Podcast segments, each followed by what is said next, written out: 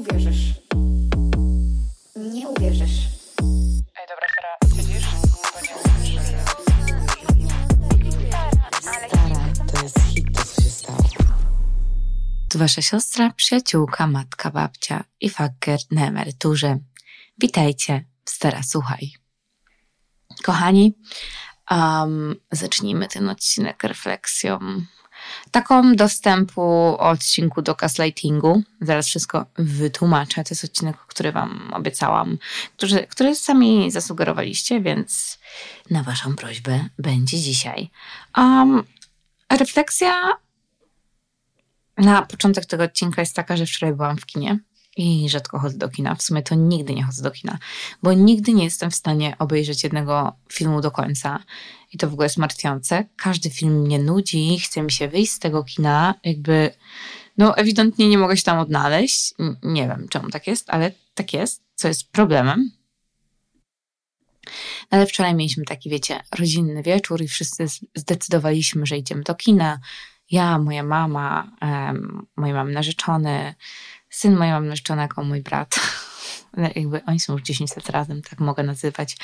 Um, ich, moja siostra. Więc zarezerwowaliśmy bilety i poszliśmy na pana Kleksa. I pan Kleks to jest jakby bajka mojej mamy z dzieciństwa. Moja też w sumie, bo też ją oglądam jak byłam dzieckiem. Najpewniej narzeczonego też. Jakby wszystkich, wiecie o co chodzi. A ogólnie słyszałam beznadziejne recenzje na temat em, pana Kleksa, ale jakby poszliśmy, wiecie, dla uczcie, uczczenia tego, spędzenia czasu razem i tak dalej. Um, I mam taką refleksję z tego filmu. W ogóle popłakałam się na nim dwa razy, ale to też dlatego chyba, że moje kobiece dni nadchodziły. Nieważne. Ogólnie taką główną rzeczą, którą wyciągnęłam z tego filmu jest chyba to, że ta dziewczynka, ta główna bohaterka, nie wiem, nie chcę wam spoilerować ogólnie, okej, no jej mama, jakby, uwaga, spoiler, który potrwa prawdopodobnie minutę, e, więc jeśli ktoś chce, może sobie przewinąć. Ogólnie jej mama ją trochę zaniedbuje, zapominała o jej urodzinach, bo tacy tej dziewczynki zaginął, tej Ady, jakby głównej bohaterki pana Kleksa. Um, no i Toma jest mega skupiona na tym, um, żeby odnaleźć tego tatę, nie? I przychodzą urodziny tej dziewczynki, on ma nadzieję na to, że mm, że ta mama coś przygotuje, przychodzi do domu i ta mama zapomniała, bo jest tak pochłonięta szukaniem tego taty.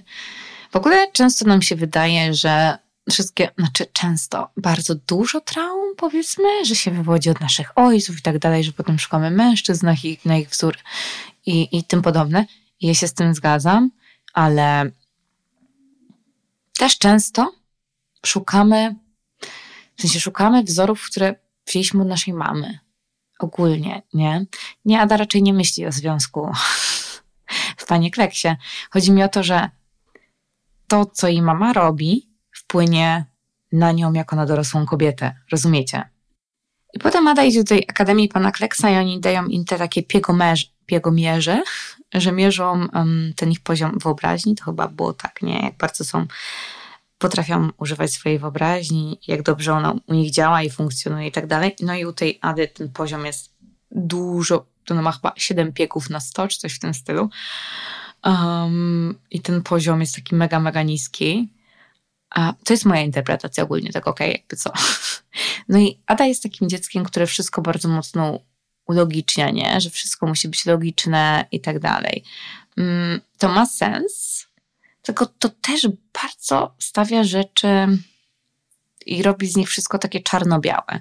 Ja mam wrażenie, że my ogólnie bardzo często podchodzimy do rzeczy tak, wiecie, nie robi tego, to nie kocha, tutaj mógłby zrobić to, ale tego nie robi i to znaczy, że nie, jakby, albo to znaczy, że tak. Wiecie, w ogóle nie bierzemy pod uwagę różnych, przeróżnych czynników, tylko wszystko chcemy jak najbardziej ulogicznić, nie patrzymy na to z psychologicznego punktu widzenia. I ta Ada potem, jakby w trakcie tej swojej. Mm, I to nie działa dla niej, nie? Wydaje mi się, że jakby ona nie mierzy się ze swoimi strachami i tak dalej, gdzieś tam wypiera niektóre rzeczy też. I na koniec mm, Ada okazuje się, że ma siłę i tą siłą jest. Sorka, spoiler, jedna trwa dwie minuty. Tą siłą jest empatia, czyli umiejętność wejścia w buty drugiego człowieka. To jest niesamowite w ogóle. I Ada dzięki temu jakby rozwiązuje wszystko. Dzięki empatii. I to jest super. I ogólnie polecam Wam być dla siebie bardziej empatycznymi, lepiej siebie zrozumieć, albo być dla siebie bardziej przyjaciółmi i stanąć jako druga, jako druga osoba z boku w takich trudniejszych sytuacjach i się pocieszać. Takie swoje wewnętrzne dziecko. I również w sytuacjach, jeśli chodzi o innych. Czasami ludzie po prostu chcą być zrozumieni, wiecie? I to jest. Czasami ludzie nie chcą rad, nie chcą, żebyśmy powiedzieli im, co mają robić, po prostu chcą być wysłuchani. I to jest klucz. To jest umiejętność, której w ogóle nikt nie uczy. Słuchania, a powinniśmy wszyscy ją wypracować. To taka konkluzja moja, jakby z pana Kleksa, bo jak, tak jak mówię, mam rzadko oglądam filmy, więc w ogóle... Mm, ale dobra, obejrzałam dwa filmy w tym tygodniu, co jest naprawdę rzadkością. Obejrzałam jeszcze film um, o Elvisie Presleyu i jego, jego żonie byłej, jakby wiadomo. E, wrzucę to w, ostatni, w następnym odcinku, może zrobię z tego odcinek. Zobaczymy. Dobra. Nieważne, kochani. Um, dni mijają spokojnie, wiecie, self-care, początek nowego roku i takie tam różne. Nic specjalnego u mnie się na razie nie dzieje, oprócz jakichś moich tam życiowych rozterek nad tym, wiecie, gdzie mieszkać, co dalej i tak dalej. Nieważne, to nie ma znaczenia dzisiaj w dzisiejszym odcinku, o tym jeszcze pogadamy. Więc chcę Wam wytłumaczyć to, czym jest gaslighting. Gaslighting to jest forma manipulacji um, i ona często występuje w związkach opartych na przemocy. Nie mówię tylko fizycznej, jakby też psychicznej. Jest to ukryty rodzaj emocjonalnego znęcania się. Dobrze słyszycie, znęcania się. Jeśli ktoś, wa ktoś was gaslightinguje, będę dawać przykłady dzisiaj, um, to znęca się. Ten, ta, ta osoba, ten tyran, wprowadza nas w błąd, tworzy fałszywą narrację często i sprawia, że kwestionujemy nasze własne osądy i rzeczywistość. I ostatecznie um, my, ofiara gaslightingu, zaczynamy czuć się niepewnie co do naszego postrzegania świata i zastanawiamy się, czy w sumie to nie tracimy nawet zdrowia psychicznego. To jest coś, co ja widzę ciągle u moich klientek, że one zaczynają się zastanawiać, czy w ogóle one coś powiedziały, czy jakaś sytuacja miała miejsce, czy, czy może one źle zinterpretowały, może źle usłyszały. I to dokładnie ma na celu gaslighting. Wprowadzić nas w taki stan. To nas doprowadza do dezorientacji, utraty pewności siebie, utraty poczucia własnej wartości i niepewności co do naszej stabilności psychicznej. I często to też prowadzi do tego, że uzależniamy się od naszego sprawcy, od tej osoby, która nas gaslightinguje. Często gaslighting występuje w związkach romantycznych, ale mamy go też, wiecie, w rodzinie, w przyjaźniach. To jest e, mega często. Akurat dzisiaj słuchałam podcastu takiej terapeutki, ona opowiada o tym, jak jej brat ją gaslightingował, więc to też się zdarza. Często osoby, które stosują gaslighting, to są osoby, które cierpią na zaburzenia zdrowia psychicznego. To są osoby zaburzone i wykorzystują ten rodzaj mm, tego emocjonalnego znęcania się, aby sprawować władzę nad innymi i manipulować swoimi nie wiem, przyjaciółmi, członkami rodziny, współpracownikami, partnerami itd. Tak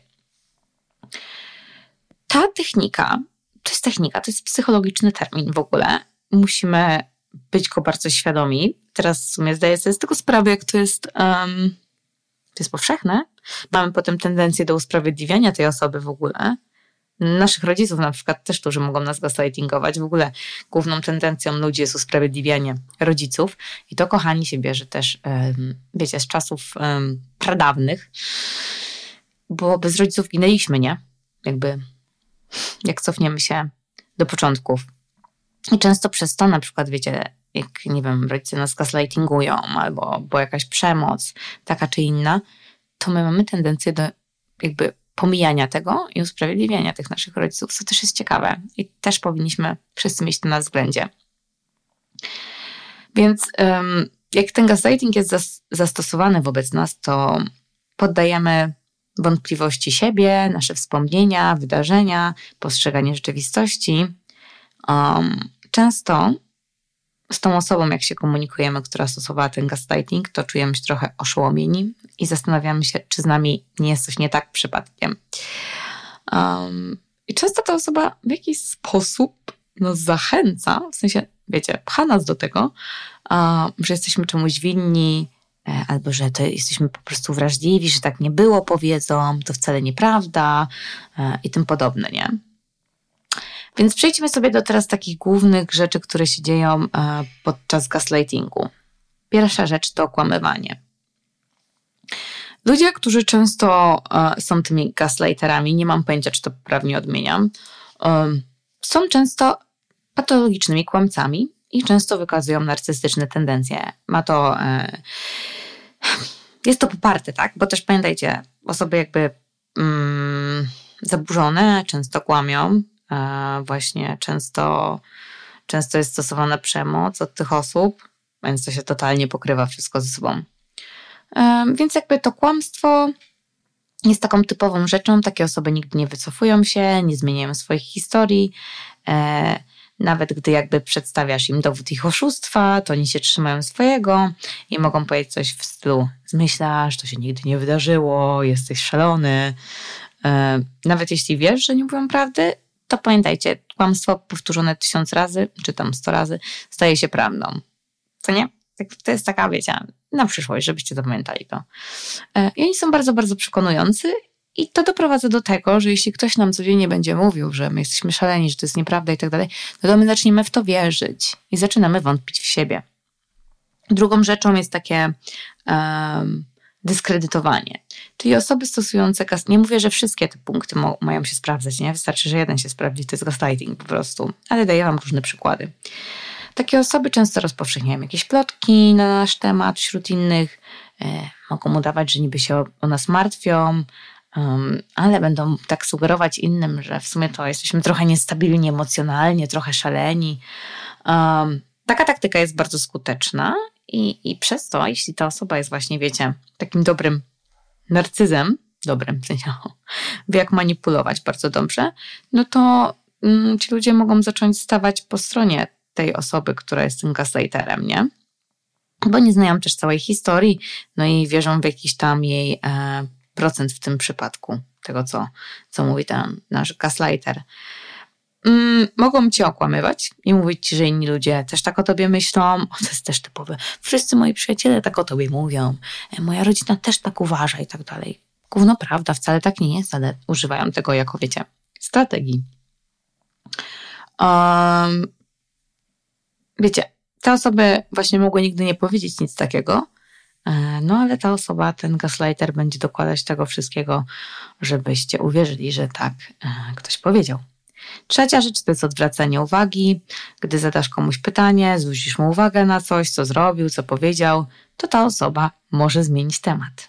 Zadając, wiecie, takie pytanie, obracając wszystko przeciw wam, a pamiętasz jak ty i tak dalej, nie? Totalnie odrzuca to, co powiedzieliście, powiedzieliście w jego kierunku dotyczące jego, jej osoby mm, i po prostu zadaje wam pytanie, odpowiadając na tą rzecz.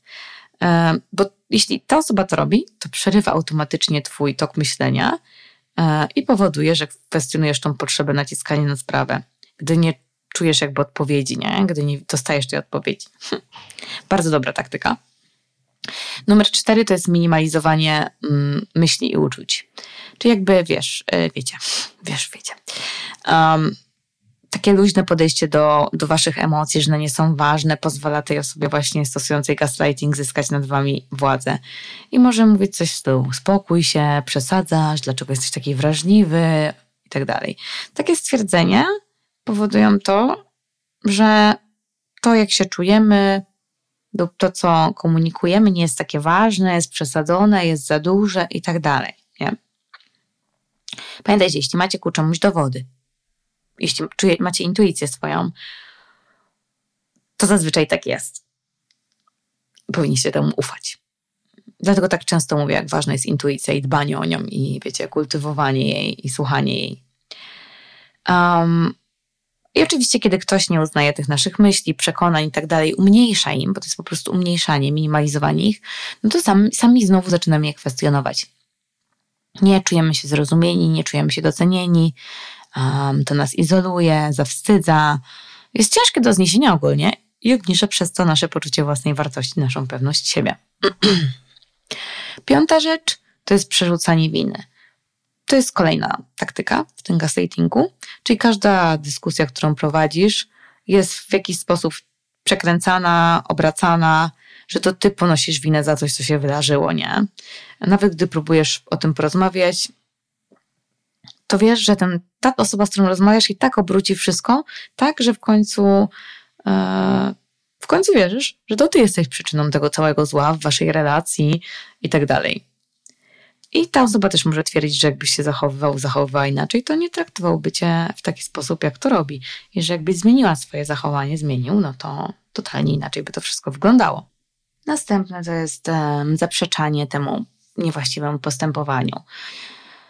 Czyli oni zaprzeczają, że zrobili coś złego. złego. Robią to, aby oczywiście uniknąć wzięcia odpowiedzialności za swoje um, złe wybory, złe czyny.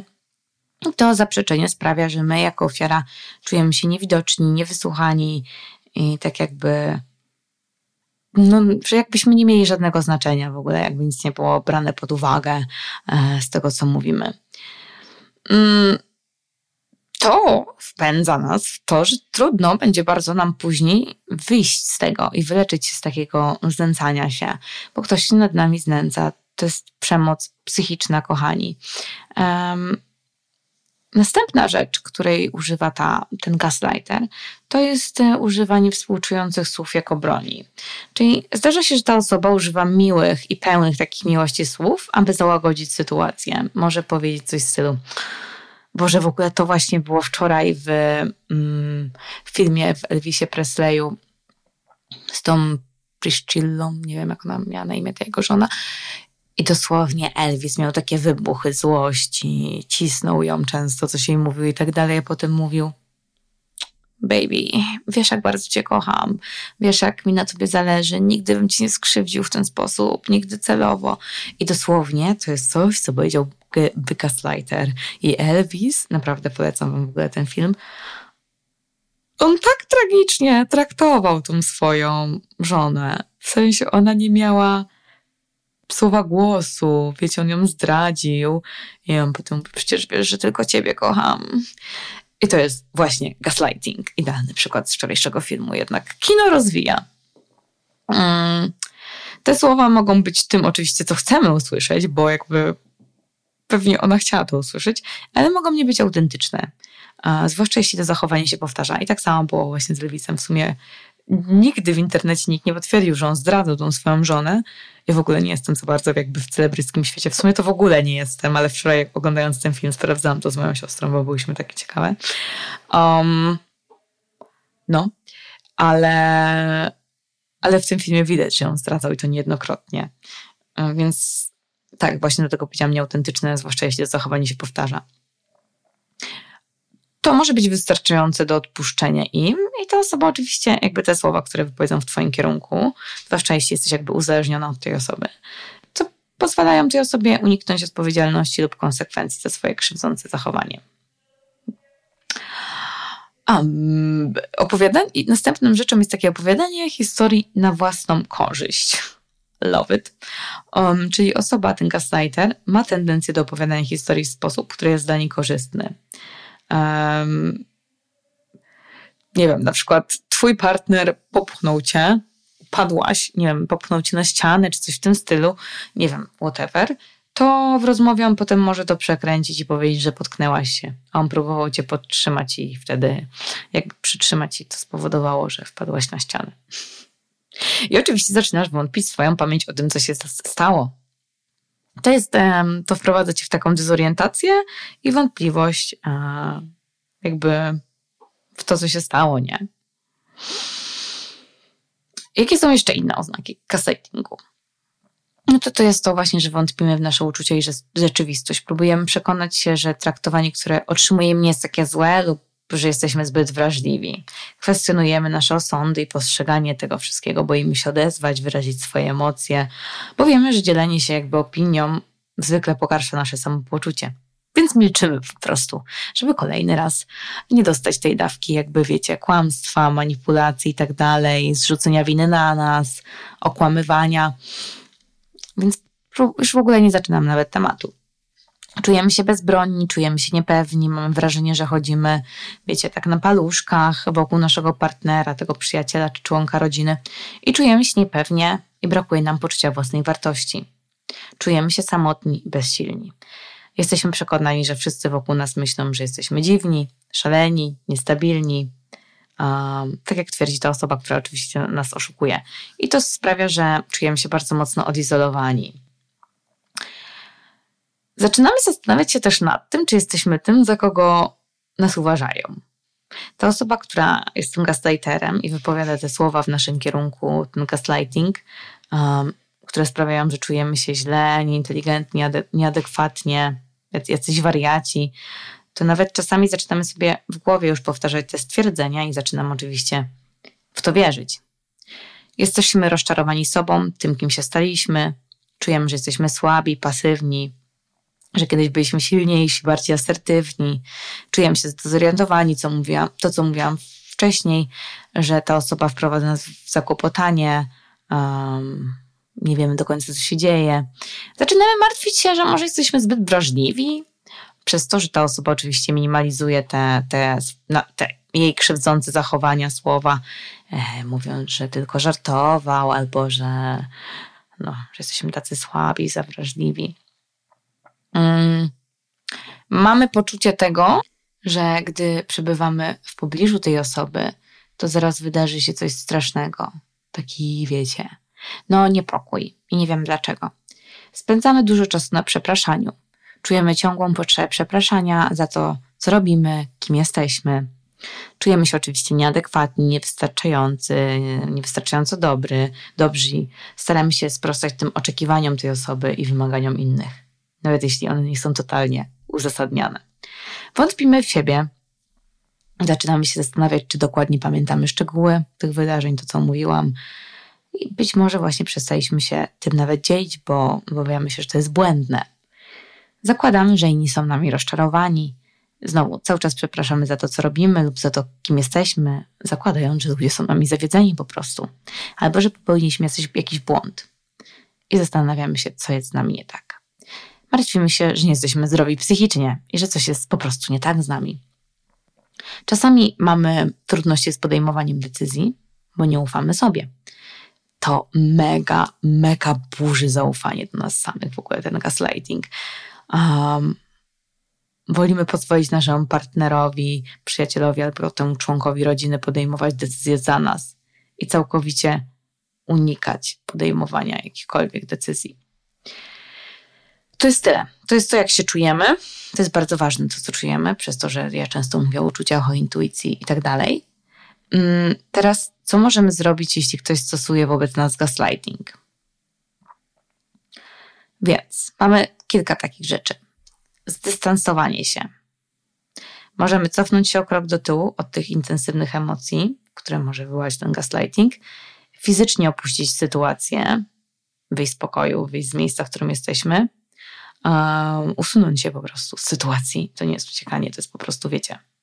Tylko pytanie, które musimy sobie zadać, czy my powinniśmy szukać technik w gaslightingu tego, jak sobie z tym radzić, czy może powinniśmy się zastanowić nad tym, czy nie całkowicie powinniśmy opuścić na przykład taki związek i z niego odejść. Możemy oczywiście stosować, wiecie, różne techniki relaksacyjne, oddychanie, e, próbowanie bycia takim w teraźniejszości, gdzieś tam uziemianie. Możemy zachować dowody. Możemy zachować dowody tego, co się stało. Wiecie, chodzi mi o jakieś sytuacje, słowa, prowadzić dziennik, zapisywać rozmowy, e, wiadomości i tak dalej, żeby sobie potem na nie spojrzeć i przypomnieć sobie, że nie możemy wątpić w to, co się stało i miało miejsce. Możemy wyznaczyć granice, które prawdopodobnie mogą nie zostać uszanowane i to polega na tym, że mówimy, co jesteśmy w stanie zaakceptować w związku, relacji z rodziną, z przyjaciółmi i tak dalej, żeby dać tej osobie znak, że nie będziemy sobie pozwalać po prostu na to i, i nie będziemy tego pomijać albo, jakby wiecie, olewać. Próbujemy uzyskać zewnętrzną perspektywę. Rozmawiamy z przyjacielem, członkiem rodziny, pomocą od specjalisty, to pomoże nam trochę wyjaśnić i rozjaśnić sytuację. To widzę u moich klientek, nie? Jak one zauważają jakieś rzeczy, po tym jak przychodzą do mnie i zaczynamy rozmawiać. I to totalnie zmienia perspektywę. I to są takie główne rzeczy. Ale tak jak powiedziałam, najważniejszą jest zastanowienie się nad tym, czy może nie powinniśmy zakończyć tej relacji, czy na pewno jakby to jest relacja, która nam służy. To tyle, kochani, na dzisiaj, jeśli chodzi o gaslighting. Jeśli ktoś z Was ma taką sytuację, to mam nadzieję, że pomogłam Wam rozwiać trochę wątpliwości. I mam nadzieję, że zasięgniecie jakichś środków, które zaproponowałam z tego, co możecie z tym zrobić. To tyle, kochani, na dzisiaj. Życzę Wam miłego dnia, tygodnia i słyszymy się za tydzień. Buziaki! Buziaki, buziaki.